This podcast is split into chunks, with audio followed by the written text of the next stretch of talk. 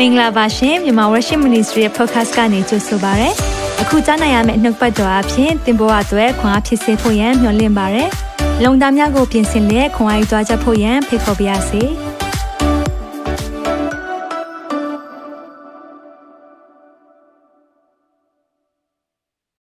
ရှလောမ်ရောက်စီတိုင်းကိုယေရှုနာမ၌ကြိုးဆိုပါရယ်နှုတ်ကပတ်တော်သည်အကျွန်ုပ်ခြေရှိမှမိခွက်ဖြစ်၍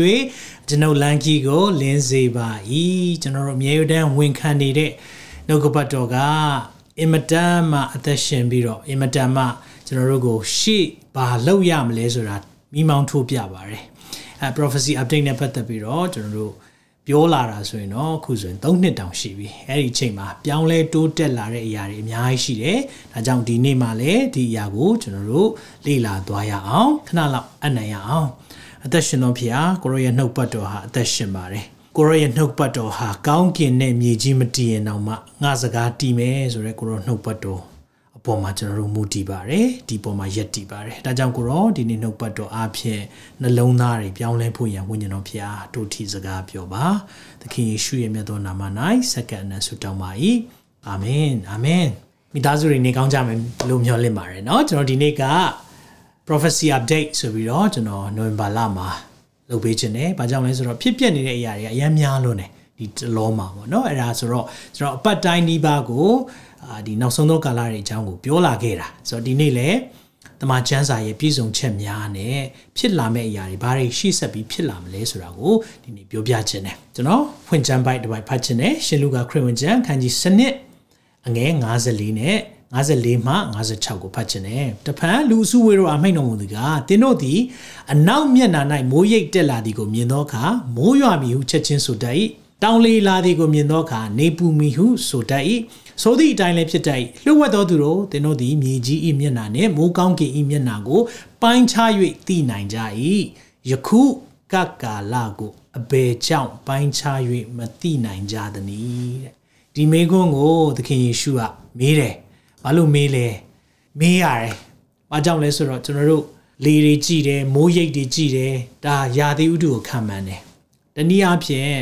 ကျွန်တော်တို့ဖြစ်ပျက်နေတဲ့ကပ်ကာလရဲ့နမိတ်တွေကိုကြည့်ဖို့လိုတယ်။အဲ့ဒါကြည့်တဲ့ခါကျရင်တော့သခင်ဘာလုပ်မလဲဘလို့တမန်ကျမ်းစာကဘာပြောထားတယ်လဲဒီအရာကိုကျွန်တော်တို့အထူးပဲလေ့လာသွားရအောင်။လူကာ27မှာဒီလိုပြောပါတယ်เนาะဆိုတော့အဲဒီနေ့ပြောမယ့်အရာလေးကဒီအရာကိုအဓိကအခြေခံတာဖြစ်တယ်။တင်မောတဖန်ပင်မှာသင်ခန်းစာဆိုတာလူကာ21အငယ်29ကနေဖတ်ချင်တယ်။တဖန်ထိုက်မိန်တော်မူသည်ကဥပမာက တင်မောတဖန်ပင်မှာစာ၍တစ်ပင်များတို့ကိုမှတ်ကြလောတဲ့။တင်မောတဖန်ပင်နဲ့တခြားတစ်ပင်တွေကိုကြည်ပါတဲ့။ဘာဟုတ်ပုံဆောင်တာလဲ။ဣသရေလနိုင်ငံကိုကြည်ခိုင်းတာ။ပြီးရင်ပတ်ဝန်းကျင်နိုင်ငံတွေကိုကြည်ခိုင်းတာအရွက်ပေါက်တော့အခါရွက်ပေါက်ရဲဆိုတာဣသရေလနိုင်ငံပြန်လည်ပြီးတော့ဖွံ့ဖြိုးတိုးတက်ပြီးတော့နိုင်ငံအဖြစ်ရှိလာတာเนาะနိုင်ငံပျောက်သွားတာနှစ်2000ကျော်တယ်ဒါပေမဲ့နိုင်ငံပြန်ရှိတယ်1948မှာအခုချိန်မှာຫນွေကာလရောက်တယ်เนาะပြန်ပြီးတော့ ဖူးပွင့်နေဝေစားတယ်ဆိုတာအခုကာလကိုပြောတာအဲ့ဒီကာလရောက်လာအလိုတင်းတို့ဒီအလိုလျောက်သိကြ၏ထိုနည်းတူထိုအကြောင်းအရာများကိုမြင်ရလေဘာနည်းပြီလဲဖျားသခင်ဤနိုင်ငံတော်ဒီလူနေပြီအားလုံးဝန်ခံပါအောင်ဘုရားသခင်ဤနိုင်ငံတော်တည်လူနေပြီနိုင်ငံတော်တည်လူနေပြီအကြောင်းနိုင်ငံတော်တည်လူနေပြီဖြစ်တဲ့အခါမှာဘာတွေကိုမြင်ရမလဲဒီမှာပြောထားတယ်ဘုရားကကောင်းကင်နဲ့မြေကြီးမတည်ရင်တော့ငါစကားတည်မယ် ဆိုတော့သခင်ဘာပြောထားလဲတမန်ကျမ်းစာဘာတွေပြောထားလဲကျွန်တော်တို့ဒါကိုလေ့လာရအောင်မာသဲ24ထဲမှာလည်းဒီဟာထပ်ပြောတယ်အငယ်9နဲ့10မှာလူတစ်မျိုးနဲ့တစ်မျိုးတနိုင်ငံနဲ့တနိုင်ငံရံဘက်ပြူကြလိမ့်မည်အရရက်တို့၌အစာခေါင်းပါခြင်းကာလနာများခြင်းမြေကြီးလှုပ်ခြင်းတို့ဖြစ်ကြလိမ့်မည်ထိုအရာတို့သည်ဘာလို့ပြောလဲဒုက္ခဆင်းရဲခြင်းဤအစအဦးတဲ့အင်္ဂလိပ်ကျမ်းစာမှာဆိုရင် all these are the beginning of birth pains ကိုဝင်ဆောင်မိခင်နာကျင်နဲ့နာကျင်မှုမျိုးနဲ့နှိုင်းထားတယ်အခုမြင်တွေ့နေရတဲ့ဟရာကဘာကိုပုံဆောင်တာလဲကိုဝင်ဆောင်မိခင်ဖြစ်တယ်လို့မျိုးပဲဒါဆိုဘာကိုပြောတာလဲကလေးမမွေးခင်မှာဖြစ်လာမဲ့နာကျင်မှုမျိုးတွေပို့ပြီးတော့စိတ်လာမယ်ပို့ပြီးတော့နာကျင်တဲ့ပမာဏပို့ပြီးများလာမယ်ဘာတွေများလာမလဲအစာခေါင်းပါခြင်းနေကာလနာများခြင်းနေမြေကြီးလှုပ်ခြင်းနေဒီຢာတွေဖြစ်မယ်တဲ့ဆိုတော့ဒီຢာတွေဖြစ်လာပြီဆိုရင်တော့ကျွန်တော်သိလိုက်ပါ ဘုရားကကျွန်တော်တို့ကိုသူ သူ့ရဲ့နိုင်ငံတော်တီလို့နီးပြီဆိုတဲ့အရာကိုပြောနေတယ်ဆိုတာကိုသိရလိမ့်မယ်ဆိုတော့ဒီတလောလေးမှာเนาะကျွန်တော်တို့ Hamas နဲ့ Israel နဲ့ဖြစ်ပျက်နေတဲ့စစ်ပွဲကနေရိုက်ခတ်ချက်ကတကဘာလုံးကိုဖြစ်တယ်။အော်ဘိုသိကောင်းတယ်နော်။ဆိုတော့ဒီ Israel မှာ Middle East Middle East မှာဖြစ်တဲ့အရာကအဲ့ဒီမှာပဲမဆုံးသွားအောင်တကဘာလုံးကိုရိုက်ခတ်လေးရှိတယ်။အရာအော်ဘိုကောင်းတယ်။ဆိုတော့ဥပမာကျွန်တော်တို့ဒီ မြန်မာပြည်မှာဖြစ်တဲ့အရာဆိုတကဘာလုံးသိမ့်မရိုက်ခတ်ဘူး။နောက်ပြီးရင်တရုတ်ပြည်မှာဖြစ်တဲ့အရာသိမ့်မရိုက်ခတ်ဘူး။ဘယ်အရာဖြစ်ဖြစ်ပေါ့နော်။အဲဒီလိုသိမ့်မရိုက်ခတ်ပေမဲ့အရှိလေဘိုင်းမှာတောင်မှ Israel မှာဖြစ်ပျက်ပြီဆိုရင်တကဘာလုံးကိုရိုက်ခတ်တယ်။ဆိုတော့အဲ့ဒီတကဘာလုံးကိုရိုက်ခတ်တဲ့အရာတွေကသခင်ကဘာပြောထားဘူးလဲဆိုတော့ဇာခရိမှာเนาะအနာဂတ်ကျမ်းဆိုတာကြိုပြီးပြောတဲ့အရာဇာခရိဖခင်ရဲ့ prophet ကကြိုပြီးဟောတဲ့အရာဒီမှာတွေ့ရတယ်။ယေရုရှလင်မြို့အောင်ပွဲဆိုတဲ့အရာလေး ငယ်တစ်ကနေသုံးဖတ်ချင်တယ်။သာရဖျားဤဗျာဒိတ်နှုတ်ကပတ်တော်တည်ဟူသောမိုးကောင်းကင်မိုးကောင်းကင်ကိုကျက်၍မြေကြီးတိုက်မြစ်ကိုချချတော်မူထသောလူအထဲ၌လူဝိညာဉ်ကိုဖန်ဆင်းတော်မူသောသာရဖျားသည်ဣသေယအမျိုးကိုရည်မှတ်၍မိန့်တော်မူသည်ကားတဲ့ဣသေလအမျိုးတွေကိုပြောလိုက်တဲ့စကားရှိတယ်။ဘာပြောလဲငါသည်ယေရုရှလင်မြို့ကိုပတ်လည်၌ရှိသောလူမျိုးအပေါင်းတို့အားတုံလှုပ်စေသောဖလားဖြစ်လိမ့်မည်။ဆိုတော့နော် တုံလုံးစီတဲ့ခွက်တုံလုံးစီတဲ့ဖလားဖြစ်မယ်ယေရုရှလင်မြို့နဲ့ပတ်သက်ရင်လူတွေကတဲတဲလှုပ်တာယေရုရှလင်မြို့နဲ့ပတ်သက်ပြီးဣသရေလနဲ့ပတ်သက်ပြီးဆိုရင်တော့ဘလို့မှမသိဘူးတခြားမှာဘာမှမဖြစ်ရင်တော့မှဒီကိစ္စမှာဆိုအင်မတန်မှထိရှလွယ်ပြီးတော့ဖြစ်မယ်တော့ဘာကြောင့်လဲကျမ်းစာကျူပြောတာယေရုရှလင်မြို့ကိုဝိုင်းထားကြစဉ်တွင်ယူဒာပြည်ကိုလည်းထို့အတူဖြစ်စေမည် နော်ဒါတွေရှေ့မှာဖြစ်လာမယ့်အရာကိုဂျိုကြီးပြောလာတယ်ထိုကာလအခါ၌လည်းထိုမြို့ကိုလူမျိုးအပေါင်းတို့အားလေးသောကြောက်လေးသောကြောက်လို့ပြောကြည့်ပါလေးသောကြောက်နော်ဆိုတော့ယေရုရှလင်မြို့ကြောက်အင်မတန်မှလေးလံတယ်ဆိုတော့ဣသရေလနိုင်ငံကြောက်အခုကဘာခေါင်းဆောင်နေအင်မတန်မှသူတို့တွေခေါင်းချင်းဆိုင်နေခေါင်းကုပ်ရတယ်အင်မတန်မှလေးလံတယ်။ဘာကြောင့်လဲ ဒီမှာပြောထားတယ်ထိုကြောက်ကိုခြီသူသောအောင်တို့ကျိုးပဲ့ချိန်မွားကြလိမ့်မည်။လောကီသားအမျိုးမျိုးတွေသည်ယေရုရှလင်မြို့တစ်ဖက်၌စုဝေးလျက်ရှိကြမယ်။လောကီသားတွေစုဝေးမယ်တဲ့။စုဝေးနေပြီလား။စုဝေးနေပြီ။စုဝေးတာမှအများကြီးစုဝေးနေတာဖြစ်တယ်เนาะဆိုတော့ဒီနေ့စောင့်ကြည့်ရမယ့်နိုင်ငံနဲ့ပတ်သက်ပြီးတော့ကျွန်တော်ပြောခဲ့ဘူးတယ်နော်လွန်ခဲ့တဲ့3နှစ်ကနေအများအားပြောတယ်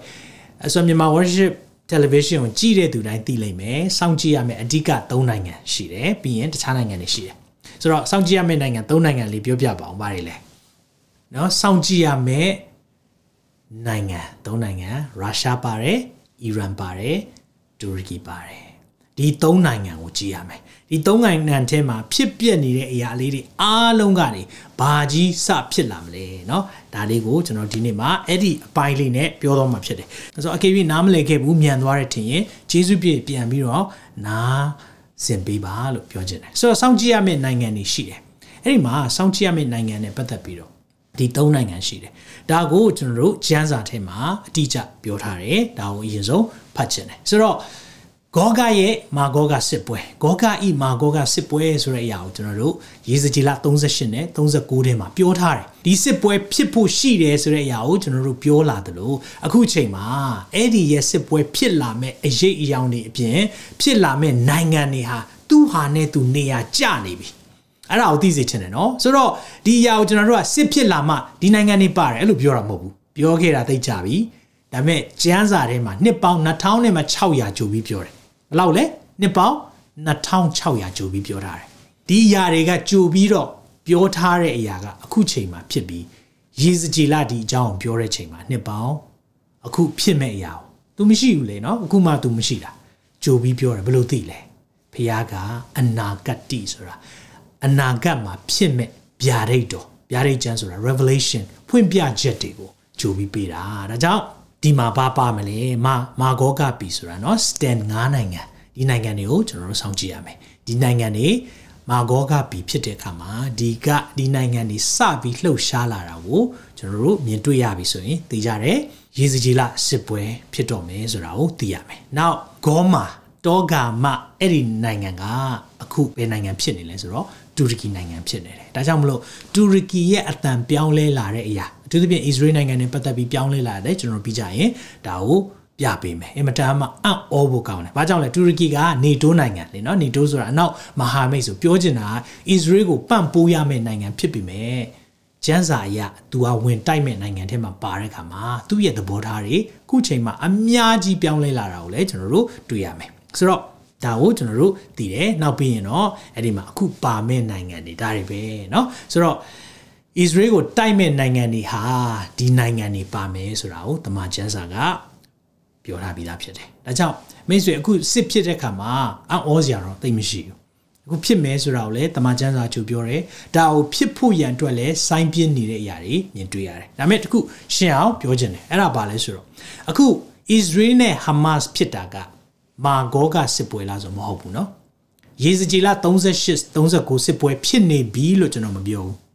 ပြန်ပြောမယ်နော်နားလည်မှုမလွယ်နဲ့အခု Israel နဲ့ Hamas ဖြစ်နေတဲ့အရာကမာဂောကစစ်ပွဲမဟုတ်ဘူး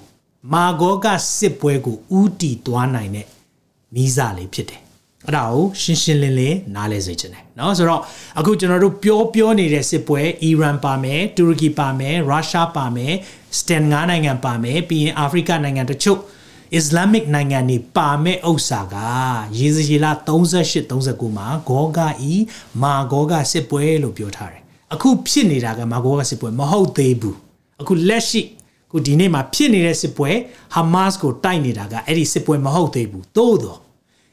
ကျွန်တော်တို့ပြောပြောနေတဲ့စစ်ပွဲဖြစ်လာနိုင်တဲ့အလားအလာတွေအများကြီးရှိတယ်ဆိုတာကိုပြောပြချင်တာနားလည်မယ်ထင်ပါတယ်နော်ဟုတ်ပြီ ဒီအရာကိုအရင်ဆုံးကျွန်တော်တို့ရှင်းဖို့လိုတယ်။ဒါကြောင့်မလို့ဂောဂဤမာဂောဂစစ်ပွဲကိုကျမ်းစာမှာဘလို့ပြောထားတယ်လဲဆိုတာကိုကျွန်တော်တို့ကြည့်ရအောင်။ယေဇကျေလာ38ထဲမှာဒီလိုပြောပါတယ်။ငွေ1ကနေ6ဖတ်ခြင်းနဲ့တပန်ထာရဖျိုင်နှုတ်ပတ်တော်သည်ငါစီတို့ရောက်လာ၍အချင်းလူသားယောရှပီမေရှက်ပီတူဘူးလာပီကိုအစိုးရသောမာဂောဂပိတာဂောဂမင်းတစ်ဖက်၌မျက်နှာထား၍ prophet ပြုလျက်အရှင်ထာရဖျိုင်အမိန်တော်ကိုဆင်ဆိုရမည်မှာ။ ယောရှမေရှက်တူပိလပေတို့ကိုအစိုးရသောအိုဂောကမင်းတင်တစ်ဖက်၌ငါနေ၏တဲ့။တင့်ကိုငါပြန်လာစေမည်။ယောရှရာရှာနော်ဒီနေ့ကျွန်တော်တို့ဒါတွေသိဖို့လိုတယ်။တင့်ဘာယိုကိုတန်ကျိန်းနဲ့ချိတ်ပြီးလင်။တင်မဆိုင်ထူးဆန်းသောလက်နဲ့အမျိုးမျိုးကိုဆောင်တော်သူဒိုင်းလွားပါ၍ဓားကိုလက်ဆွဲတော်သူအလုံးအင်းများနှင့်မြင်းမြင်းစည်းတဲ့ဘိုးကြီးအပေါင်းတို့ကိုငါဆောင်ခဲ့မည်။ဆောင်လာမဲ့အရာ။နော်ဒါပြောထားတယ်။အဲ့ဒီမှာအငယ်ငါးမှာဒီကြပြောလိုက်ပြီး။ အသီးသီးတိုင်းလာကန်၍တန်ခမောက်လုံးကိုစောင်းတော့ပေရတိပီဒါဘာဂျာဘာဂျာကဘာတူလဲအီရန်ကုရှာပီဒါကုရှာကုရှာဆိုတာအီသီယိုးပီးယားနော်အီသီယိုးပီးယားပြီးရင်ဖူတာလီဗီယာဂေါမာနဲ့တူဝီတက်များမြောက်ပီတာဒေါဂါမအဲ့ဒါအားလုံးဒီအခုတူရကီရှိတဲ့နေရာနဲ့တူအီတက်အလုံးရင်းတို့တင်းတဲ့တူလိုက်လာကြမယ်ဆိုတော့ ရုရှားဥဆောင်ပြီးတော့ပါမဲ့နိုင်ငံတွေကိုဒီမှာအတိအကျပြောထားတယ်เนาะအဲကြောင့်မလို့เนาะဒါဒီဒီအရာလေးတွေကိုသိစေချင်တယ်ဆိုတော့အခုဒီဥစ္စာနဲ့ပတ်သက်ပြီးတော့ကျွန်တော်လွန်ခဲ့တဲ့၃နှစ်မှာဟောထားတဲ့အရာလေးကိုလည်းကျွန်တော်ပြချင်တယ်ဒီမှာကျွန်တော်ကြည့်တဲ့အခါမှာเนาะ Israel ကိုတိုက်မဲ့နိုင်ငံများဆိုဘယ်နှယောက်ကြည့်ဘူးလဲဒီဒီရဲ့ YouTube video ကကျွန်တော်လွန်ခဲ့တဲ့ဒီမှာ3နှစ်တုန်းက3 years ago လို့ကျွန်တော်ရေးထားတယ်ပြီးရင်ဒီမှာအာ နှစ်သိန်းကျော်နှစ်သိန်းတစ်သောင်းကျော်ဒီရဲ့တရားဟောချက်ကိုနားထောင်ပြီးပြီဆိုတော့ time မှာကျွန်တော်ရောက်သွားတဲ့အခါမှာအာကျွန်တော်အဲ့ဒီမှာကျွန်တော် time connect လုပ်တော့လာကြတဲ့အဲဒီသူတွေထဲမှာပေါ့နော်ကျွန်တော်ပြောမေစကားပြောရင်မိသားရဖွင့်နေမေ့ကြည့်တယ်ဆိုတော့ဘယ်နှုတ်ကပတ်တော်အားဖြင့်ကိုယ့်ရဲ့သက်တာပြောင်းလဲစီလေလို့ပြောတော့ Israel ကိုတိုက်မဲ့နိုင်ငံများကြောင့်အသက်တာပြောင်းလဲသွားတယ်တဲ့အဲ့လိုပြောတယ်အဲ့နဲ့သူလည်းပြောရောသူ့ဘေးကသူ့တငယ်ချင်းကငါလည်းအဲ့ဒါရပြောင်းလဲဆိုသူတို့နှစ်ယောက်လည်းဆွေးနွေးဆက်ကြတယ်ပြောချင်တာပါလေဖခင်ရဲ့နှုတ်ကပတ်တော်အသက်ရှင်နေဆိုတဲ့အရာလူငယ်တွေသိလာရဲဆိုရင်ဒီရဲ့နှုတ်ပတ်တော်ယုံကြည်လို့ရတယ်ဒါကြောင့်သခင်ဟာပြန်လာမယ်လို့ပြောရင်ပြန်လာမှာဖြစ်တယ်ဒါကြောင့်ကျွန်တော်တို့ကတန်တရားလုံးဝရှိစရာမလိုဘူးသခင်ပြန်လာမယ်ဒါကြောင့် Israel ကိုတိုက်မဲ့နိုင်ငံများဆိုပြီးတော့ဒီနေ့မှာလည်းပြန်ပြီးတော့ update လေးလုပ်ပေးခြင်းတယ်เนาะဆိုတော့ဒီအရာကိုအခုမှဒီနေ့မှပြောတာမဟုတ်ဘူးလွန်ခဲ့တဲ့နှစ်เนาะ၃နှစ်ကလေးကကျွန်တော်တို့စပြီးပြောခဲ့တဲ့အရာနဲ့အမြဲတမ်း update လုပ်ပေးနေတဲ့အရာတွေဒီနေ့မှလည်းပို့ပြီးပြည့်ပြည့်စုံစုံပြောပြခြင်းတယ်ဆိုတော့အခုပထမအဆုံးကျွန်တော်ပြောချင်တာပါလဲဆိုတော့တမန်ကျမ်းစာပြောထားတယ်လေးသောဝင်ဖြစ်စေမယ်เนาะယေရုရှလင်မြို့ကြောင့်လေးသောဝင်ဖြစ်စေပြီးတော့ယေရုရှလင်မြို့တစ်ဖက်မှာတဲ့ လူမျိုးအပေါင်းတို့ကရှိမယ်လို့ပြောတဲ့အခါမှာဘာကိုပြောတာလဲဆိုတော့ဂျူးမုန်တီရေးဝါဒဟာအင်မတန်မှပြန့်ပွားမယ်ဂျူးတွေကိုမကြိုက်ဘူးနော်ဆိုတော့ Israel ကိုမကြိုက်ဘူးအဲ့ဒီတစ်ဖက်မှာနေကြမယ်အခုရှိပြီလားရှိပြီကျွန်တော်တခုပြချင်တယ်နော်ဆိုတော့ဒီပုံလေးကိုကြည့်ပေးပါအောင်ဆိုတော့ anti semitic ဆိုတာဘာကိုပြောတာလဲဆိုတော့ဂျူးမုန်တီရေးဂျူးမုန်တီးတဲ့အုပ်စုကြီးอ่ะဒီမှာဘာဖြစ်လဲဆိုတော့ Tel Aviv ဆိုတာကတော့ Israel နိုင်ငံကနေရုရှားကိုလာတဲ့လေယာဉ်အဲ့ဒီလေယာဉ်လာတဲ့အချိန်မှာသူတို့ကသတင်းဘယ်လိုရလဲဆိုတော့အဲ့လေယာဉ်မှာတဲ့ဂျူးတွေပါတယ်ဆိုတော့ရုရှားမှာရှိတဲ့လူအုပ်စုကြီးอ่ะလီစိတ်ကိုဝင်ပြီးတော့စီးနေတာလေးစိတ်ကိုစီးနေတဲ့ဥစ္စာပေါ့เนาะဒီမှာကျွန်တော်အာကျွန်တော်ဗီဒီယိုပြတဲ့ခါမှာအခက်အခဲရှိတဲ့ခါမှာတော့မပြတော့ကြီးကျယ်စီးနေတာเนาะဒီမှာအဲ့ဒီမှာရုရှားတပ်တွေကဝင်လာပြီးတော့ဒီလူအုပ်စုကိုပြန်ပြီးတော့ထိမ့်သိမ်းရတယ်ဆိုတော့ဒါတွေဖြစ်လာတဲ့အခါမှာတော့ နော်ကြောက်ဖို့သိကောင်းတာပဲဆိုတော့အဲ့ဒီလူတွေကိုထုတ်ပေးပါတဲ့အဲ့လေရင်ပေါ်ကနေနော်ပါလာတဲ့ဂျူးတွေကိုထုတ်ပေးပါဆိုပြီးတော့နော်ဒီမှာဆိုရင်ကြီးကျယ်ပြောတယ်လူအုပ်စုကြီးကအကြီးကျယ်ကိုတိုက်ခိုက်တာနော်ဒီမှာဆိုလေအများကြီးပေါ့နော်ဆိုတော့ရုရှားဒါရုရှားမှာဖြစ်သွားတဲ့ကိစ္စလေးပေါ့နော်ဆိုတော့ဒီမှာကြည့်အောင်နော် a plane from Tel Aviv looking for Israelis. Давайте, одержим. Аллаху Акбар! Some of the passengers surrounded, forced to prove they aren't Jews. I'm Uzbek, but ဆိုတော့သူတို့ဘာလုပ်ရလဲဆိုတော့သူတို့ passport ကိုပြရတာပေါ့နော်ငါဂျူးမဟုတ်ဘူးဆိုတာကိုပြခိုင်းတာအတင်းပြခိုင်းတာပြပြဆိုပြီးတော့အဲ့လိုပြရတယ်ပေါ့နော်တကယ်တော့ဒီလေရင်ဝန်ထမ်းတွေကဒီသတင်းကိုကြားတဲ့အချိန်မှာတော့အာဒီဂျူးတွေဘယ်နှယောက်ပါလဲတော့မသိဘူးပေါ့နော်ဘယ်နှယောက်ကျွန်တော်ဒါတော့သတင်းတိကျမရပါပဲဒါကိုကာကွယ်လိုက်ရတယ်ပေါ့နော်သူပုံဟို အားလုံးကိုပုံဖို့အကုန်လုံးထားရတယ်ဆိုတော့လူအုပ်ကြီးကကြည့်ပါအောင်အဲ့ဒါတတ်ဖို့လာတာနော်ဆိုတော့ပါတဲ့သူတွေအဲ့ဒီမှာပါတဲ့သူတွေကိုတတ်ဖို့လာတယ်ဘာဘာပါလဲဆိုတော့ယေရုရှလင်မြို့တစ်ဖက်မှာလေးသောကြောက်ဆိုတာကိုပြောတာဂျူးမုန်တီရေးတွေများမယ်ဘာလို့အဲ့လိုများတာလဲကျွန်တော်ပြပြမယ်အခုဒီကိစ္စတွေဖြစ်လာတဲ့ခါမှာတော့ဟာဘာလို့တကဘာလုံးဝဒီလိုမျိုးနေကြတာလဲเนาะဆိုတော့အကြောင်းအရာတစ်ခုပဲရှိတယ်သခင်ပြန်လာဖို့နီးတဲ့အချိန်မှာ ဘာဖြစ်မလဲဆိုတော့ဂျူးတော်တော်များများ Israel ပေါ့နော်ယူဒပြည်သူပြည်သားတွေတော်တော်များများကအခုနိုင်ငံအပြင်မှာရှိနေဆိုတော့နိုင်ငံတွင်းကိုပြန်သွားဖို့လိုတယ်အဲ့လိုနိုင်ငံတွင်းပြန်သွားမဲ့အရာဖြစ်လာဖို့ဟာသူတို့နေတဲ့နိုင်ငံမှာမလုံခြုံတော့မလုံခြုံတဲ့အခါမှာတော့အခုလိုမျိုးပေါ့နော်အဲဒီရဲ့အရာတွေဖြစ်လာတယ်ဆိုတာသိရတယ်ဆိုတော့အခုဒီမှာတခုကျွန်တော်ထပ်ပြချင်တယ်အဲ့ဒါလေးလည်းကြည့်ပေးပါ how the search in anti-semitism ဆိုတာ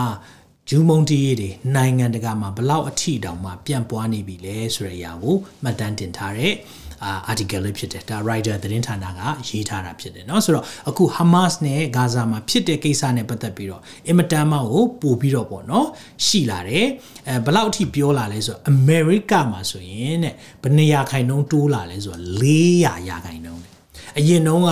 နော်ဂျူးတွေကိုတိုက်ခိုက်တဲ့အရာတွေနဲ့ဝေဖန်တဲ့အရာတွေနောက်ပြီးရင်ဂျူးပိုင်တဲ့ဒီလို synagogue ဆိုတဲ့အာဂျူးဖျားเจ้าတွေဒါမျိုးတွေကိုတိုက်ခိုက်မှုတွေတော့မော်နော်လုပ်တဲ့ attack တွေကဘယ်လောက်ထိအောင်များလာဆို400ရာခိုင်နှုန်းတက်တယ်တဲ့ဆိုတော့အင်မတန်မှကိုများလာဒါနိုင်ငံတကာမှာပေါ့နော်ကနေဒါမှာဆိုရင်ဘယ်လောက်တောင်ပြောလဲဆိုတော့ scary rise ဆိုတာအရန်ကြောက်စရာကောင်းလောက်အောင်တက်လာတယ်ဆိုပြီးတော့ဒီကနေကနေဒါ ဝင်ကြီးချုပ်ကပြောသွားတယ်အာဂျင်တီးနားမှာဆိုရင်လည်းအာဒီမှာရှိခဲ့ပူတယ်เนาะအရင်တော့ဆိုရင်เนาะ1990ကျော်လောက်တုန်းကဆိုရင်တို့ဒီမှာဆိုရင်ဒီ Jewish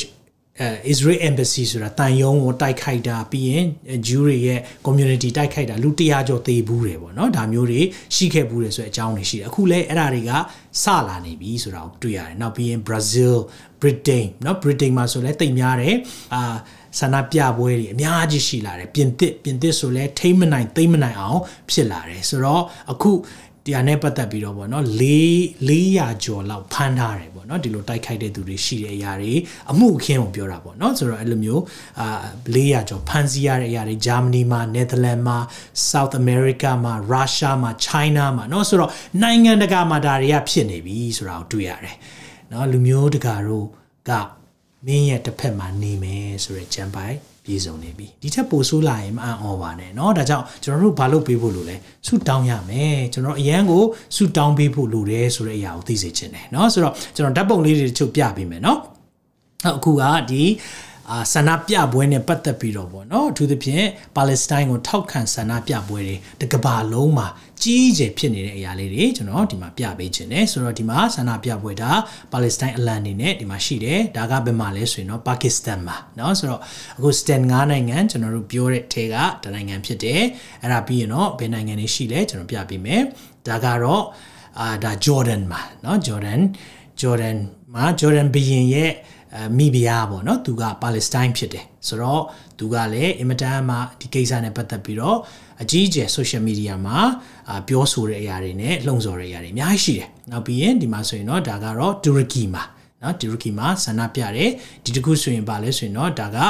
ကတာနော်ဒိုဟာကာတာမှာပြတဲ့ဆန္ဒပြပွဲဖြစ်တယ်အဲဒါကတော့ Lebanon မှာပြတဲ့အရာဖြစ်တယ် နော်နော်ဒီမှာကြာရင်တော့ဒီတစ်ခုကတော့အာတူနီးရှားမှာနော်တူနီးရှားမှာပြတဲ့အရာဖြစ်တယ်ဒါကတော့တော်တော်ကြီးတယ်ဒါကဘယ်မှာလဲဆိုတော့ယီမန်နော်ယီမန်မှာပြတဲ့ဆန္ဒပြပွဲဖြစ်တယ်လန့်အပြည့်ပဲနော်ဒါအများကြီးရှိလာပြီဆိုတော့ဒီမှာအာဒီနိုင်ငံတွေမှာအံ့ဩဖို့ကောင်းတာကအာဂျူးတွေ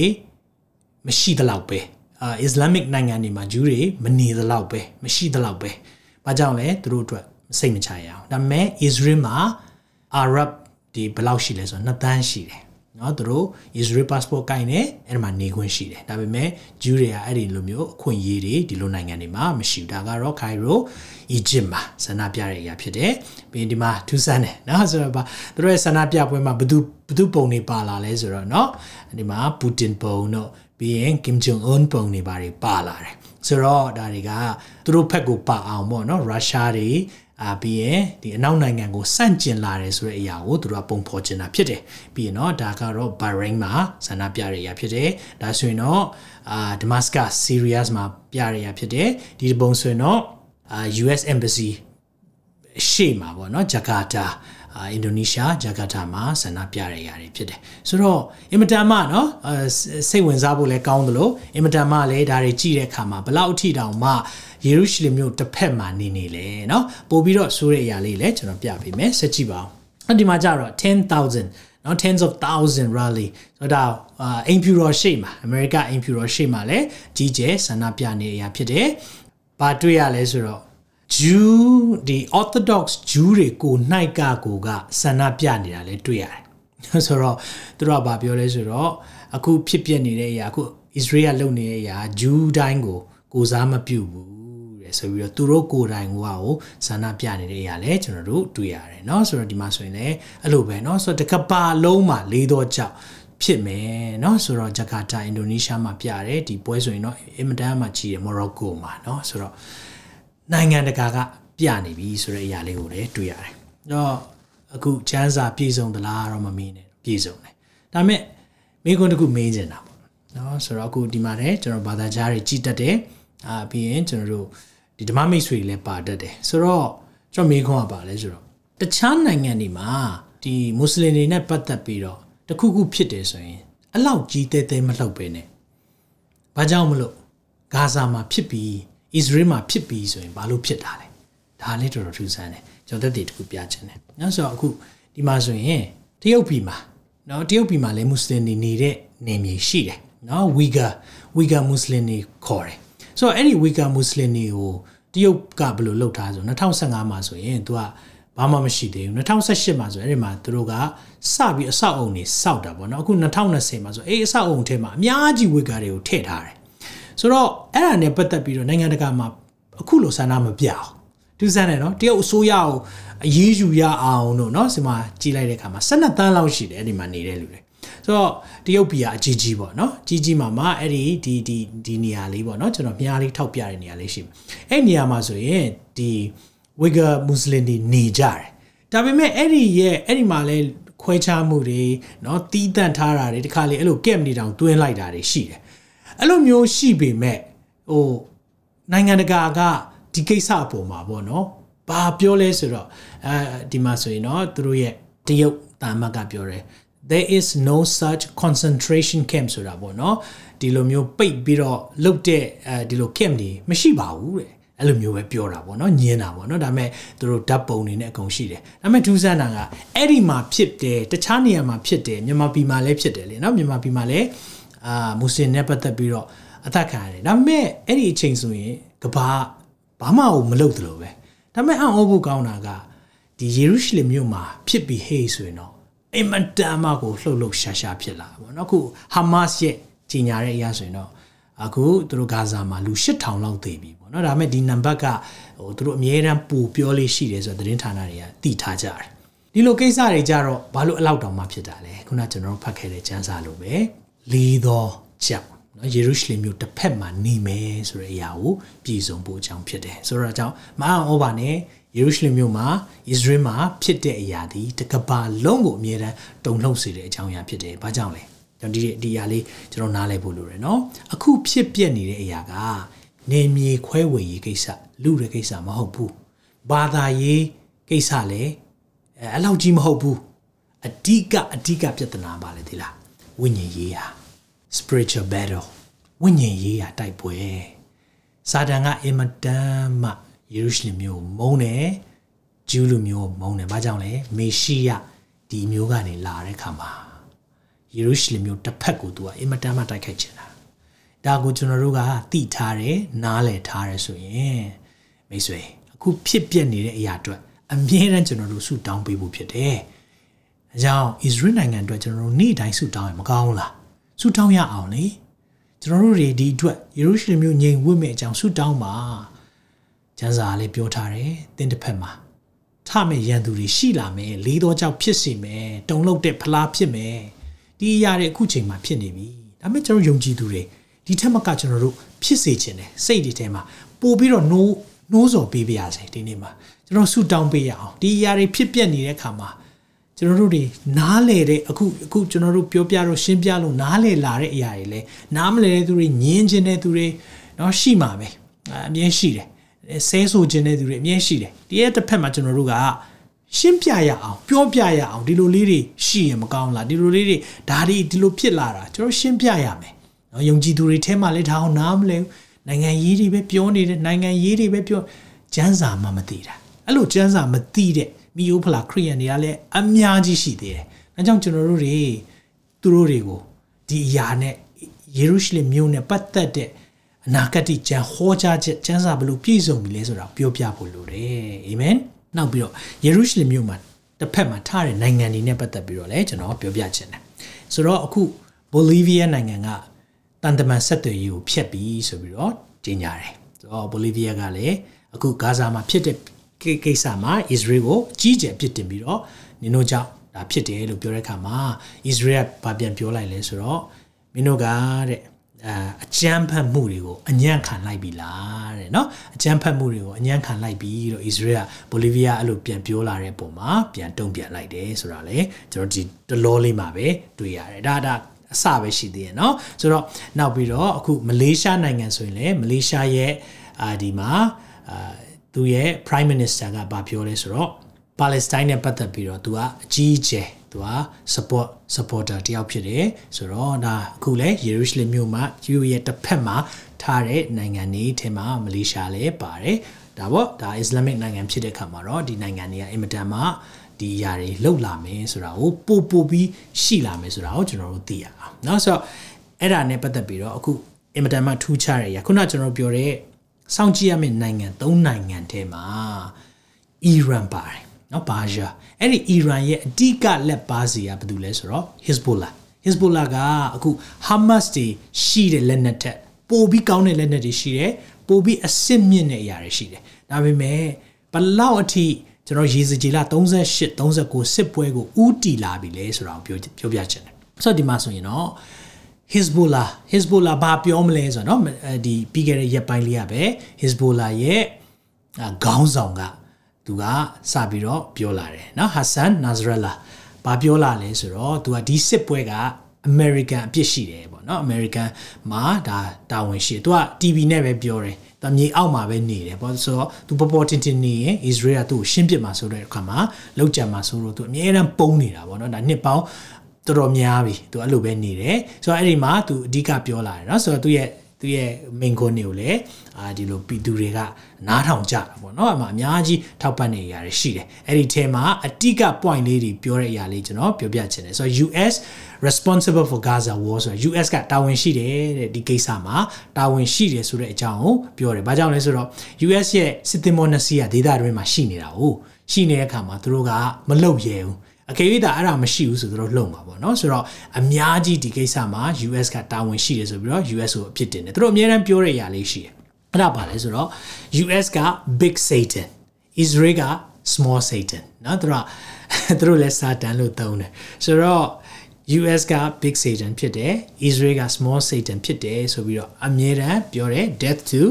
America death to Israel Israel အာသေဆုံးပါစေ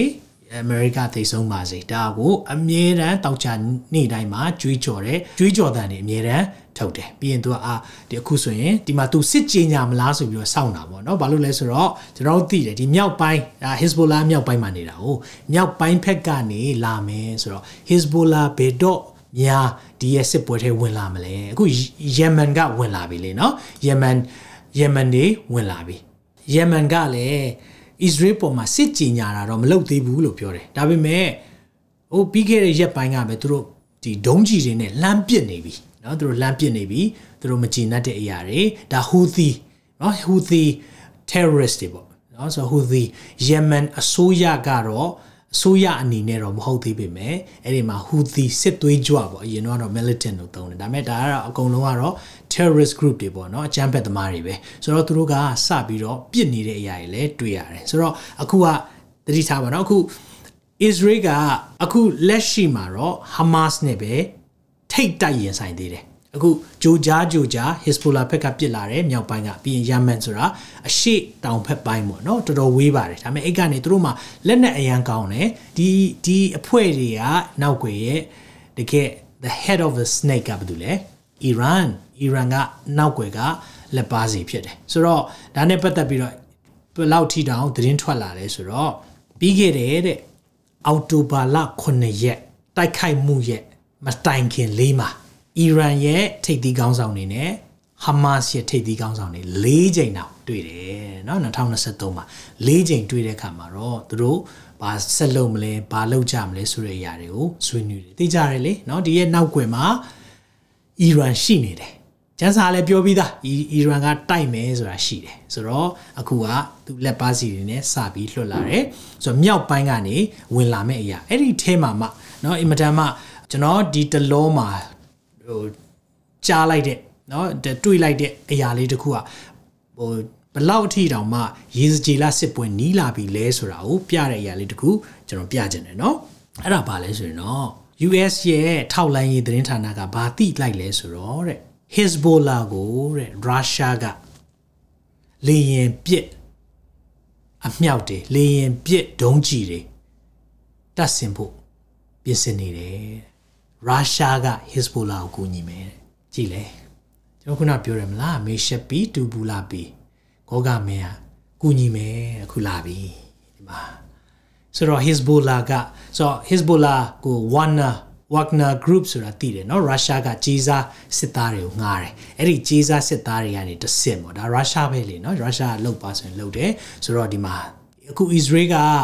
ဆီးရီးယားထဲမှာပဲဖြစ်ဖြစ်ဝင်တိုက်တဲ့အခါမှာသူတို့ အီရန်ရဲ့ target တွေတိုက်တဲ့ခါမှာအရင်တော့ဆိုရုရှားကိုကြိုကြိုပြီးသတိပေးတယ်။နော်ငါတို့လာတိုက်တော့မယ်ဆိုရုရှားကနော်ဒါဟိုမတိချင်အောင်ဆောင်ပြီးနေပေးတယ်ပြီးရင်အဲ့ဒီလက်နက်စိတ်ုံတွေပြစ်ခံရတယ်။အခုကတော့ Israel လည်းမပြောတော့ဘူးဝင်ပြီးတော့ပြစ်တဲ့အရာတွေအဲ့မှာအခုကျတော့ Hezbollah ကိုရုရှားကူညီမယ်တဲ့မြောက်ပိုင်းနော်မြောက်ပိုင်းဒါကြောင့်မလို့ကျန်းစာကအတိအကျပြောထားပြီးသားဖြစ်တယ်မြောက်ဖက်ကနေလာမယ်ဆိုတဲ့အရာအခုဒီမှာကျွန်တော်တို့တွေဒါအကြီးမားဆုံးပဲရုရှားကဒီရဲ့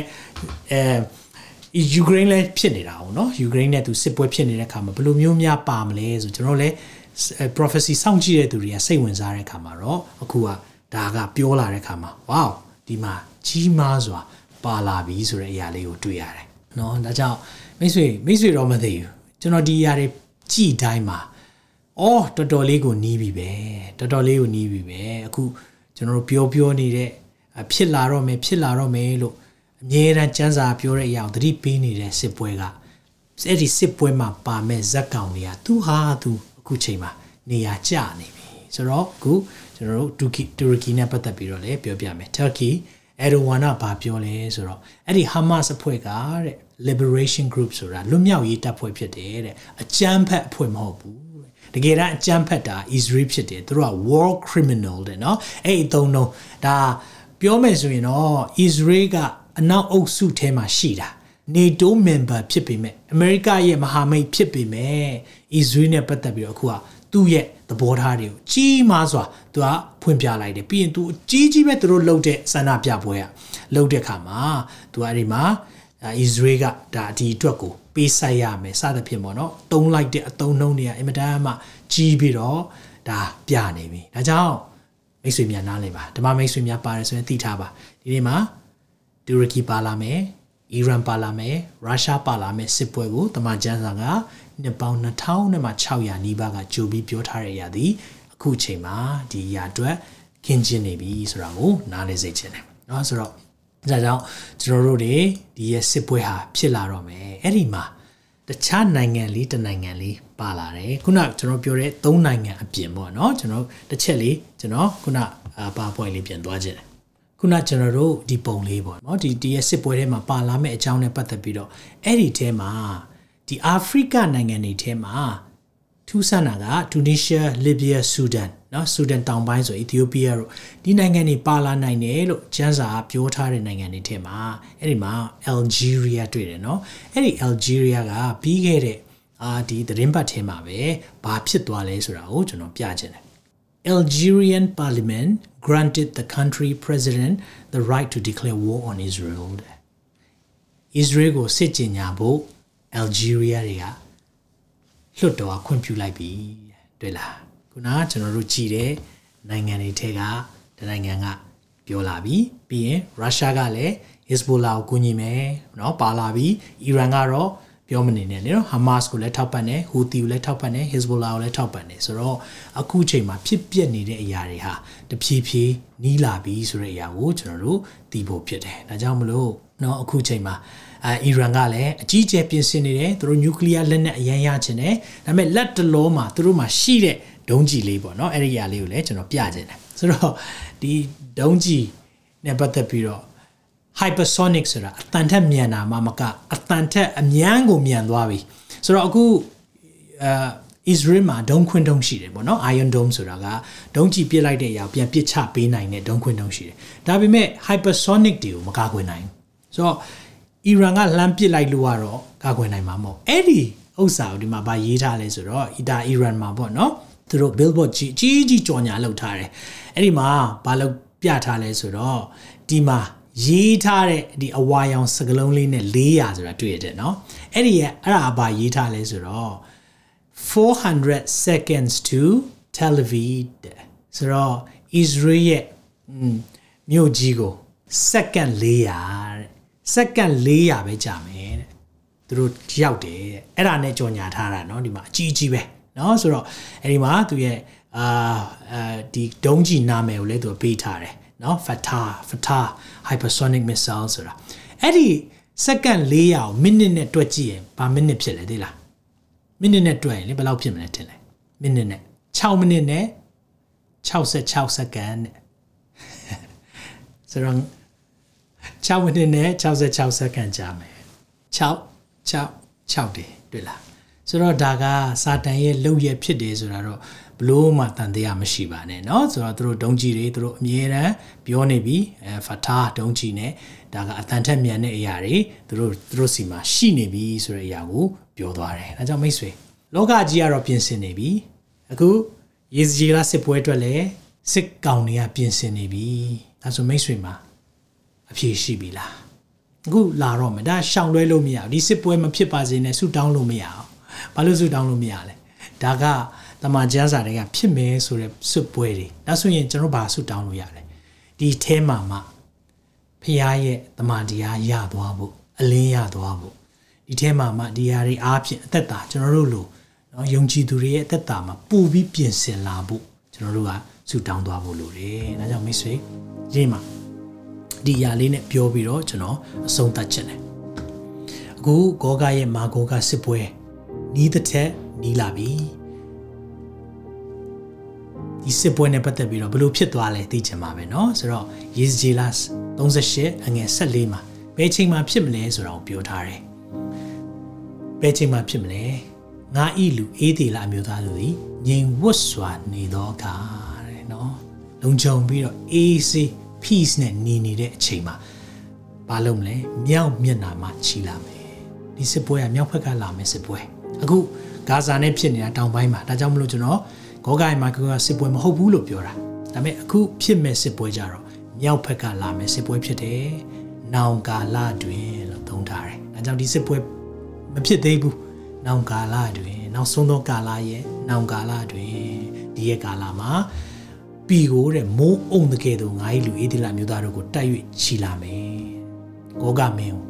ချီလာမယ်။ဂောဂမင်းကလာပြီးတိုက်ခိုက်မယ်။အဲ့လိုတိုက်ခိုက်ပေမဲ့ဒီနေ့ အေဒီလာမျိုးစောင့်ရှောက်တဲ့ဖခင်အမြဲတမ်းကာကွယ်ပေးမယ်။ကျမ်းစာကပြောလဲဘယ်လိုမျိုးအောင်မြင်သွားလဲ။ဣသရေလရဲ့တိုက်ရခိုက်ရကြအောင်မြင်သွားတာမဟုတ်ဘူး။သူတို့လက်နက်တွေသူတို့ထောက်လှမ်းရေးတွေကောင်းလို့အောင်မြင်သွားတာမဟုတ်မိုဆတ်တို့ကောင်းလို့မဟုတ်ဘူး။ဘာကောင်းလို့လဲ။မပြောသားတယ်ရေစီလေးကရေစကြည်လား38ငယ်20မှာငါသည်ကာလနာဘေးဒေသချင်းဘေးအပြင်သူတို့ကိုဒဏ်ပေးမိ။နော်အမကာလနာဘေးလွတ်မှာဖေဟာသူနဲ့သူနဲ့သူ သူ၌ပါသောတံများအလုံးရင်းပေါ်၌လွှမ်းမိုးသောမိုးရေကြီးသောမိုးသည်ကန့်နဲ့ရောသောမိုးမီကိုရွာစေမည်။အဲ့ဒါနဲ့ဖေဟာကဒီနေ့အဲ့ဒီစစ်ပွဲကိုအောင်မြင်အောင်အခွင့်ပေးမဲ့သူဟာတခြားမဟုတ်ဘူးဖေဟာလုပ်ပေးမှာ။အဲ့လိုလုပ်ပေးတဲ့ခါကြမှာတဲ့ထို့သို့ငါသည်ကိုကိုချီးမြှောက်၍ယူသွေးပေါ်သောဂုံလက္ခဏာတို့ကိုပြလျက်များစွာသောလူမျိုးရှိမှထင်ရှားသောအခါငါသည်သာရဖျားဖြစ်ကြောင်းကိုသူတို့သိရကြလိမ့်မည် ဟာလေလုယာဒီနေ့ဖျားကအသက်ရှင်နေဖျားဖြစ်တယ်ဆိုတာကိုသူပြလိုက်မယ်အဲကျွန်တော်တို့ကဘာလုပ်ပေးရမလဲဆူတောင်းပေးရမယ်တမန်တရားအလင်းရဖို့လေမင်းခိုင်မှာငေါင်းမာတဲ့ဂျူးတွေအသက်ရှင်နေသာရဖျားတည်ဟူတဲ့သခင်ယေရှုကိုတည်ဖို့ဆူတောင်းပေးရမယ်ကျွန်တော်တို့မှာတာဝန်ရှိတယ်အဲကြောင့်ကျွန်တော်တို့မှာရှိတဲ့သူကတခြားမဟုတ်ဘူးမိတ်ဆွေဒီစစ်ပွဲတွေဖြစ်မှာကြောက်ဖို့မဟုတ်ဘူးเนาะတော်တော်များများဒီအကြောင်းအရာတွေပြောလိုက်တဲ့အခါမှာဘာတွေပြောနေလဲမသိဘူး ဟုတ်တယ်ဝိညာဉ်ရေးရမှာအဆင့်တစ်ခုမရှိရင်နားမလည်နိုင်ဘူးဒါတွေကညနေတဲ့အရာတွေဖြစ်တယ်အနာဂတ်တိအရာတွေဖြစ်တယ်အဲကြောင့် prophet တွေတောက်လျှောက်လဲသူတို့ဟောပြောတဲ့တက်တေခံတဲ့အချိန်မှာသူတို့အယူသူတို့ဒါတွေကဘာလဲလူတွေကနားမလည်နိုင်ပုံမှန် IQ နဲ့နားမလည်နိုင်ဒါမဲ့ကျွန်တော်ယုံကြည်ပါတယ်ဒီမှာရှိတဲ့သူတွေကြည်နေသူတွေဘုရားရဲ့နှုတ်ကပတ်တော်ကိုနားလည်နိုင်ဖို့ဘုရားအခွင့်ပေးလိုက်မယ်အာမင်အဲကြောင့်ဒီမှာကျွန်တော်တို့မှာဒီလိုဖြစ်ပျက်လာတဲ့အခါမှာ စိုးရိမ်လဲစိုးရိမ်စရာကောင်းတယ်စိုးရိမ်စရာမကောင်းဘူးကျွန်တော်တို့မှာမင်္ဂလာရှိတဲ့မျှော်လင့်ရရှိတယ်ဒါမဲ့သင်ကအဲ့ဒီမင်္ဂလာရှိတဲ့မျှော်လင့်ရတည်ယူတဲ့သခင်ယေရှုကိုကယ်တင်ပိုင်ရှင်တဲ့အရှင်သခင်ဖြစ်လက်မခံထားဘူးဆိုရင်တော့သင်တို့ခက်ခဲရှိမယ်ဒါကြောင့်ဒီနေ့မိတ်ဆက်ပေးခြင်းနဲ့သင်ကိုခင်ယေရှုနဲ့မိတ်ဆက်ပေးခြင်းနဲ့ တီတူနှစ်အငယ်7ကနေ73မှာဒီလိုပြောတယ်။အကြောင်းမူကားမင်္ဂလာရှိသောမျောလင့်ရာကို၎င်းကြီးမြတ်သောဘုရားသခင်တည်ဟူသောငါတို့ကိုကယ်တင်တော်မူသောအရှင်သခင်ယေရှုခရစ်၏ဘုန်းတည်တော်ထင်ရှားပေါ်ထွန်းခြင်းကို၎င်းငါတို့သည်မျောလင့်လျက်ဘုရားပြန်လာမယ့်အရာကိုမျောလင့်တဲ့သူကဘယ်လိုနေလဲ။တရားမဲ့ဘုရားမဲ့တရားမဲ့နေခြင်းလောကီတတ်မှတ်ခြင်းကိုပယ်ရှားတယ်။ယခုဘုရားမှာဘယ်လိုနေလဲ။အိန္ဒြေစောင့်ခြင်းတရားသဖြင့်ကျင့်ခြင်းဘုရားဝတ်၌မွေ့လျော်ခြင်းကိုပြုတယ်။မိတ်ဆွေဒီနေ့ ကျွန်တော်အမြဲတမ်းတက်တည်ခံချက်ရတဲ့ချိန်တခုပဲအမြဲတမ်းစင်တူတဲ့အရာလေးနောက်ဆုံးသောကာလတွေကြားတဲ့အခါမှာကျမအသက်တာပြင်ဆင်တယ်ကျွန်တော်အသက်တာပြင်ဆင်တယ်လို့ပဲကြားဘူးတယ်။နော်ဒါတွေကြားပြီးတော့ဟာတော်ပြီကွာဖះတော့မယုံတော့ဘူးအဲ့ဒီတက်တည်ခံချက်တစ်ခါမှမရဘူး။အမြဲတမ်းတက်တည်ခံချက်ရတာကဒီလိုအကြောင်းအရာတွေကြီးတဲ့အခါမှာအသက်တာပြင်ဆင်ရမယ်ဆိုတဲ့အရာကိုပဲပြောလာတယ်။အကြောင်းဒီနေ့သင်ရဲ့ ဘဝမှာသခင်ယေရှုကိုကြားတော်ကြားဘူးတယ်မိယိုဖလာခရိယန်ဖြစ်တယ်တမန်ကျမ်းစာကိုလည်းတအားတော့မသိဘူးဘုရားဟူတော့ဘုရားเจ้าတော့သွားတယ်ဆိုရင်ဒီနေ့အသင်ကိုမေးခြင်းတယ်သင်မှာသခင်ယေရှုနဲ့ relationship ဆိုတဲ့အဆက်အသွယ် relationship ဆိုတဲ့သူနဲ့သင်နဲ့ဆက်ဆံရေးရှိရလားမရှိဘူးဆိုရင်တော့သင်ခေါင်းမှာတိတာပဲဖြစ်လိမ့်မယ်ဒီနှလုံးသားမှာတိဖို့လိုတယ်သခင်ပြန်လာတော့မယ် အချိန်ကတအားနီးနေပြီကျွန်တော်တာဝန်ကသင်းတော်တွေကိုပြုပြင်ဖို့သတိပေးဖို့ကင်းဆောင်တယောက်တာဝန်ဖြစ်တယ်မိစေဒီနေ့မှာတိုက်ဆိုင်မှုနဲ့ကြည်မိတာမဟုတ်ဘူးခေါင်းစဉ်ကိုစိတ်ဝင်စားလို့ဖြစ်ကောင်းဖြစ်မယ်နိုင်ငံရေးကိုစိတ်ဝင်စားတာဖြစ်ကောင်းဖြစ်မယ်ဒါမှမဟုတ် Israel ကိစ္စတွေသိချင်တာဖြစ်ကောင်းဖြစ်မယ်ဒါမဲ့သင်ကိုသိစေချင်တာတခုရှိတယ်သခင်ယေရှုဟာသင်ကိုသိချစ်တယ်သင်ရဲ့အပြစ်အတွက်လက်ဝါးကားတိုင်းမှာအသေးခံခဲ့တယ်အကြခင်သူပြန်လာတော့မယ် သူ့ရဲ့သိမ်းဆည်းခြင်းအချိန်နီးပြီသူတို့သမီး10ယောက်ရှိတယ်တဲ့ကျမ်းစာပြောတယ်သခင်ပြန်လာတဲ့အခါမှာ9ယောက်ကပဲပါသွားတယ်9ယောက်ကျန်ခဲ့တယ်သင်တော်တွေမှာ90ရာခိုင်နှုန်းလောက်ကကြံခဲမဲ့အုပ်စုဖြစ်နိုင်တယ်အဲ့ဒီထဲမှာတင့်ကိုမပါစေချင်ဘူးဒါကြောင့်သင်ရဲ့သက်တာဒီနေ့မှာဘုရားမကြိုက်တဲ့အရာတွေနဲ့အသက်ရှင်နေတယ်ဆိုရင်အပြစ်နောင်တရလက်ဝချတောင်းပန်ရအောင်ကျွန်တော်အခုချိန်မှာကြည့်ရင်သင်တော်တွေကြည့်ရင်စိတ်ပြက်စရာကြီး နေရာလူနေတာစိတ်ကောက်တာလောကအရာအတွက်ကြိုးစားတာလောကနဲ့ပူတူခြင်းအောင်ဒါတွေပဲကြိုးစားနေကြတယ်ဒီနေ့ကျွန်တော်တို့တကယ်ကြည်ရမှာကအထက်အရာဖြစ်တယ်ဘေးကိုကြည်တာစိတ်ပြည့်ရင်ထက်ကိုကြည်ပါမိတ်ဆွေ။နောက်သခင်ယေရှုကိုဒီကနေ့မှာကယ်တင်ပိုင်ရှင်နဲ့အရှင်သခင်ဖြစ်ကျွန်တော်ကျမလက်ခံခြင်းနဲ့အရင်ကတော့ သမယိုးကြတိခဲ့ဘူးတယ်အရင်ကတော့ဘာသာရေးရတိခဲ့ဘူးတယ်ဒါပေမဲ့ဒီနေ့ကစပြီးတော့သခင်နဲ့ဘဝကိုရှောက်လန်းခြင်းနဲ့အသက်တာကိုအနံ့ခြင်းနဲ့အပြစ်တွေကိုထားခဲ့ပြီးတော့နောင်တတရားနဲ့လာတော့မယ်လို့သင်ဆုံးဖြတ်တယ်ဆိုကျွန်တော်ဆုတောင်းပေးခြင်းနဲ့ယေရှုပြည့် comment ရေးပေးပါသခင်ကိုလိုပါတယ်လို့ comment ရေးပေးပါအဲ့ဒီသူတွေအတွက်ကျွန်တော်ဆုတောင်းပေးခြင်းနဲ့မိသားစုများလည်းစပြီးဆုတောင်းနေပါအောင်အခုချိန်မှာဖခင်ရဲ့ဝိညာဉ်တော်အလုံးလုံးနေတယ်လုံသားတွေနောင်တရပြီးတော့ပြောင်းလဲလာဖို့ဖြစ်တယ် သခင်ပြန်လာတော့မယ်ကျမ်းစာပြောထားတဲ့စစ်ပွဲတွေတဖြည်းဖြည်းနီးလာပြီဒီရဲ့ဂောကမာဂောကစစ်ပွဲပတ်ဝန်းကျင်မှာပဲခြီဆောင်ခြင်းလာမယ်လို့ကျွန်တော်တို့ယုံကြည်တယ်အဲကြောင့်ဒီအရာကိုကျွန်တော်လှမ်းမြင်နေရပြီပါရောမယ့်အရာတွေမြင်နေရပြီဒါဆိုမိတ်ဆွေသင်နဲ့ကျွန်တော်ဒီချိန်မှာ ready ဖြစ်ထားရအောင်အကြောင်းသခင်ကိုလိုချင်ပါတယ်ဆိုတဲ့သူတွေယေရှုပြုကျွန်တော်နောက်ကနေလိုက်ဆိုပေးပါအားလုံးတူကွာဆုတောင်းရအောင်သခင်ယေရှုခရစ်တော်ဖခင် သခင်ကိုလိုအပ်ပါတယ်ကျွန်ုပ်ဟာအပြစ်သားဖြစ်ကြောင်းဝင်ချတောင်းပန်ပါတယ်အပြစ်အလုံးအတွက်နောင်တရပြီးတော့သခင်ရဲ့အသေးခံခြင်းအပြင်ကျွန်တော်အပြစ်လွတ်ကြောင်းဝင်ချတောင်းပန်ပါတယ်သခင်ယေရှုဖခင်ကိုကျွန်ုပ်ရဲ့အလုံးသားထဲမှာကယ်တင်ပိုင်ရှင်နဲ့ရှင်သခင်ဖြစ်ဖိတ်ခေါ်ပါတယ်ကျွန်ုပ်ဘဝကိုကိုရောလက်ဝင်၌အနံပါတယ်သခင်ယေရှုနာမ၌ ဆုတောင်းပါ၏အာမင်အာမင်ယိုရှင်ပါတယ်ဒီဆုတောင်းချက်ကသို့တော့သင်ရဲ့ဘဝအသက်တာဖခင်ရဲ့ဝိညာဉ်တော်ကလမ်းပြလာနိုင်မယ်သင်မကြော်လွှားနိုင်တဲ့အဆွဲလန်းမှုတွေရှိခဲ့တဲ့အရာတွေဖခင်နဲ့မသွားခြင်းတဲ့အရာတွေအားလုံးဟာဖခင်ရဲ့ဝိညာဉ်တော်မဆာတယ်ဂျေဇုတော်မဆာတယ်ဆိုရင်သင်ရဲ့သက်တာမှာလေစူးစမ်းပြီးလုပ်တာမဟုတ်တော့ဘဲနဲ့လွယ်လွင့်တူဖခင်ပို့ဆောင်လာလိမ့်မယ်နောက်တစ်ဖွဲ့အတွက်လည်းကျွန်တော်တောင်းပေးခြင်းနဲ့အဲ့ဒီတစ်ဖွဲ့ကတော့သခင်ကိုသိတယ် သခင်နဲ့လည်းသွားလာတယ်သို့တော့ကိုယ့်ရဲ့သက်တာမှာဒီအချိန်မှာဘေးကိုကြည့်မိပြီးတော့အရန်စိတ်ပြက်နေတယ်ဆိုရင်ဒီနေ့အထက်ကိုကြည့်ဖို့ကျွန်တော်ဒီညကနေကောင်းချီးပေးဆုတောင်းခြင်းနဲ့အသက်ရှင်တော်ဖခင်ဒီနေ့မှာလည်းကိုရရဲ့သားသမီးများအတွက်ပြန်လည်ဆုတောင်းပေးပါတယ်။တမန်ကျမ်းစာပြောထားတဲ့အရာတွေမြောက်များစွာပြည့်စုံလာတော့ကျွန်တော်မြင်တွေ့တဲ့အခါမှာနှလုံးသားပြင်ဆင်ဖို့ရန်အတွက်ပို့ဆောင်ပေးပါကျွန်တော်ငိုင်မိအိပ်ပျော်နေတဲ့စီမဆောင်ထားတဲ့သူတို့သမီးတွေအဖြစ်အသက်ရှင်မိတဲ့အရာတွေအတွက်လည်း ဝင်ချတောင်းပန်ပါတယ်ဒီကနေ့ကစပြီးတော့ကိုရောရဲ့ဝိညာဉ်တော်ရဲ့လမ်းပြခြင်းနဲ့ပို့ဆောင်ခြင်းနဲ့တွားသောသူတို့သမီးဖြစ်ပါမိအကြောင်းသူတို့သားတည်ဟုတဲ့သခင်ယေရှုကိုနေ့တိုင်းမျှော်လင့်တော်သူဖြစ်ပါမိအကြောင်းကောင်းချီးပေးပါသခင်ယေရှုနာမ၌စက္ကန့်နဲ့ဆုတောင်းပါ၏အာမင်ဒီကနေ့ပါဝင်လို့ယေရှုတင်နေဘုရားရှင်ကအထူးကောင်းချီးပေးပါစေဘုရားလိုတော်ရှိရဲ့နောက်ထုတ်လွှင့်ချက်မှာတွေ့ဆုံပါအောင်မယ်ကျွန်တော်ကောင်းချီးပေးခြင်းနဲ့အစီအစဉ်ကိုဆုံးသတ်သွားမှာဖြစ်ပါတယ် ထာဝရဘုရားသည်တင်ကိုကောင်းချီးပေး၍ဆောင်မတော်မူပါစေသောထာဝရဘုရားသည်တင်၌မျက်နာတော်အလင်းကိုလွှတ်၍ဂိယူနာကျေးဇူးပြုတော်မူပါစေသောထာဝရဘုရားသည်တင်ကိုမျှော်ကြည့်၍ချမ်းသာပေးတော်မူပါစေသောအာမင်တင်ခုလိုနာဆင်ခွန်အားနိုင်ခြင်းဟာမြန်မာ Worship Ministry ကိုလာဆင်ပန်ပိုးနေကြတဲ့ Kingdom Partners များအကြောင်းဖြစ်ပါတယ်။ဖျားခင်နိုင်ငံတော်ကျယ်ပြန့်ရေးအတွက်လာဆင်ပေးကမ်းပောင်းဖို့ရန်ဖိတ်ခေါ်လိုပါတယ်ရှင်။